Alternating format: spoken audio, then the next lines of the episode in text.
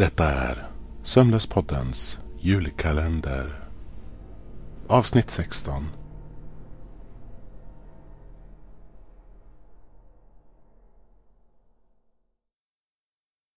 Det var mitt i natten. Gertrud hade på sig sitt nattlinne och gick försiktigt fram till soffan där Tony sov. Men hon hörde inte hans höga snarkningar. Tony, är, är du vaken? Jag är vaken. Jag kan inte riktigt sova efter allt som hände igår. Vad gör du uppe så sent? Jag satt och läste Jan Emils memoarer. Usch, vilken hemsk man. Men jag tror jag har en idé till hur vi kan få honom att försvinna. Berätta, sa Tony ivrigt. Jo, jag tänkte så här. Att under seansen så berättade Jan Emil att det där vikingaspöket försvann eftersom ingen kom ihåg honom längre. Vad skulle hända om vi bara ignorerade Jan Emil? Det skulle troligtvis ta hundratals år innan det gav någon effekt. Vi måste komma på en plan som löser det här snabbt. Men eh, få lite sömn nu. Jag tror Frodo börjar få tänder. Det kan vara därför han skriker så mycket, sa Gertrud. Du kan ta ditt täcke och din kudde och komma ner hit istället då. Aldrig! Varför skulle jag överge honom? Gertrud gick upp till sitt rum och fortsatte att läsa igenom dagboken och letade vidare efter svagheter och lösningar till att förgöra mannen som höll kvar herrgårdens själar. Samtidigt satt Mustafa på sin säng. Bredvid sig hade han Adolf. Så det var inte du som låg bakom att visa oss kassaskåpet? Men vem gjorde det då? frågade Mustafa.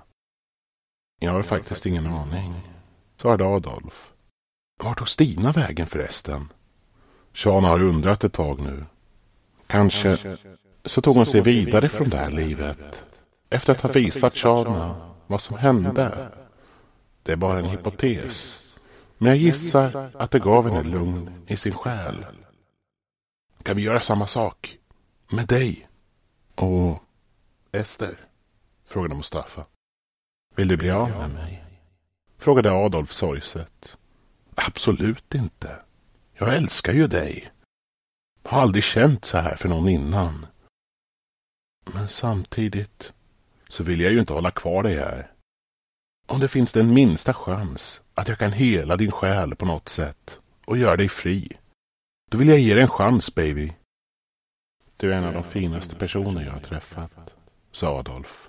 Du kanske spelar tuff, men egentligen är du mjuk, klok och... Ja, ja, ja, jag vet, jag är underbar, sa Mustafa och log. De kysstes och ett ljus öppnade upp sig i Mustafas rum. Ester stod nu där. Hon såg fruktansvärt svartsjuk ut. Vi ses på andra sidan, sa Mustafa och tittade djupt in i Adolfs ögon. Han vaknade upp i den säng han nu sovit i under två veckors tid. Bredvid honom låg Ester naken. Usch, jag önskar att jag kunde kolla bort, tänkte Mustafa för sig själv. Trots att det var för bägge han gjorde detta så fanns det fortfarande en rädsla gentemot Ester som man bara inte kunde skaka av. Kan du inte bara stanna här en stund till, min älskade, sa Ester och strök Adolfs hår. Du vet att jag inte kan det. Jan-Emil är mig redan i hälarna och han misstänker att jag har en affär med Stina. Men det är ju befängt, sa Ester surt. Ja, jag vet inte var han har fått den idén ifrån, svarade Adolf. Mustafas syn blev suddig och hans huvud snurrade. Det kändes som att tiden flyttades framåt. Plötsligt så var han i Esters kropp och böjd över köksdörren där Adolf och Stina hade en konversation. Jag beundrar verkligen dig, Stina, sa Adolf. Hon blev generad och tittade ner i marken. Men det gör jag. Du tillagar all mat här. Städar och tar hand om din make. Jag ser allt du gör här. Och inte får du någon uppskattning för det. Stina brast i tårar och omfamnade Adolf. Esters händer började skaka. Det var märkligt för Mustafa att känna hennes rörelser utan att kunna göra någonting själv och att vara i en kvinnas kropp. Dimman kom åter. Mustafa kände sig inte lika överraskad den här gången. Han hoppades bara att det var Affes kropp som han skulle hamna i denna gång. Ja, det var ju vad han kallade Adolf. Men det var Esters. Som satt inne i Jan Emids arbetsrum. Jag tror att Stina har en affär, sa hon försiktigt. Berätta för mig vad du har sett. Inuti arbetsrummet låg böcker utspridda och anteckningsböcker lite överallt. Det såg ut som vad vissa människor kallar för ett organiserat kaos. Jag tror att den där grannpojken, Adolf, har fattat tycke för henne. Men uh, han är ju bara en liten pojkspoling i samma ålder som dig, flicka. Jag såg hur de omfamnade varandra, hur han prisade hennes minsta rörelse. Varför säger du det här till mig?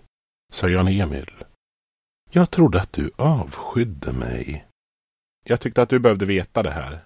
Och ja, jag avskyr dig. Jag tycker att du är arrogant, bortskämd och en usling. Du eh, kommer att få ångra de där orden, Ester. Men jag tackar för denna information. Gå härifrån nu.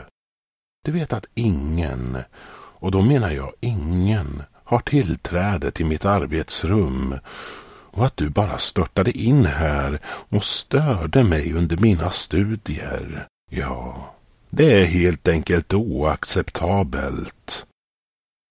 Nu var Mustafa Adolf istället. Och genast kände han sig lugnare till mods. Han satt i köket och drack en kopp te med Stina.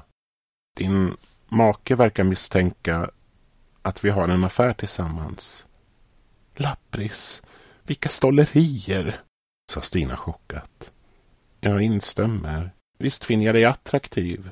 Men jag skulle aldrig stjäla någon annans fru. Och jag och Ester. Ja, hur har ni det egentligen? Ja, hon är så förälskad i mig. Men jag vill bara inte såra henne. Du måste berätta sanningen. Det är det enda rätta, sa Stina. Jag vet inte om jag kan det. Hon skulle bli så förkrossad, sa Adolf och tittade ner mot temuggen. Nåja, tack för teet. Jag tar med mig brödet hem som Jan-Emil bakade. Inte visste jag att han kunde baka. Tydligen hade han gjort ett bröd till Ester med. Ja, när vi var unga brukade han baka till mig när han var lite tvär. Kanske är det en form av ursäkt. Hoppas det smakar. Mustafa kände nu hur hans synfält blev delat. Han såg dels hur Ester åt brödet ute i skogen och hur Adolf kastade i sig det hemma i sitt enkla hem. Han lämnade inte en smula.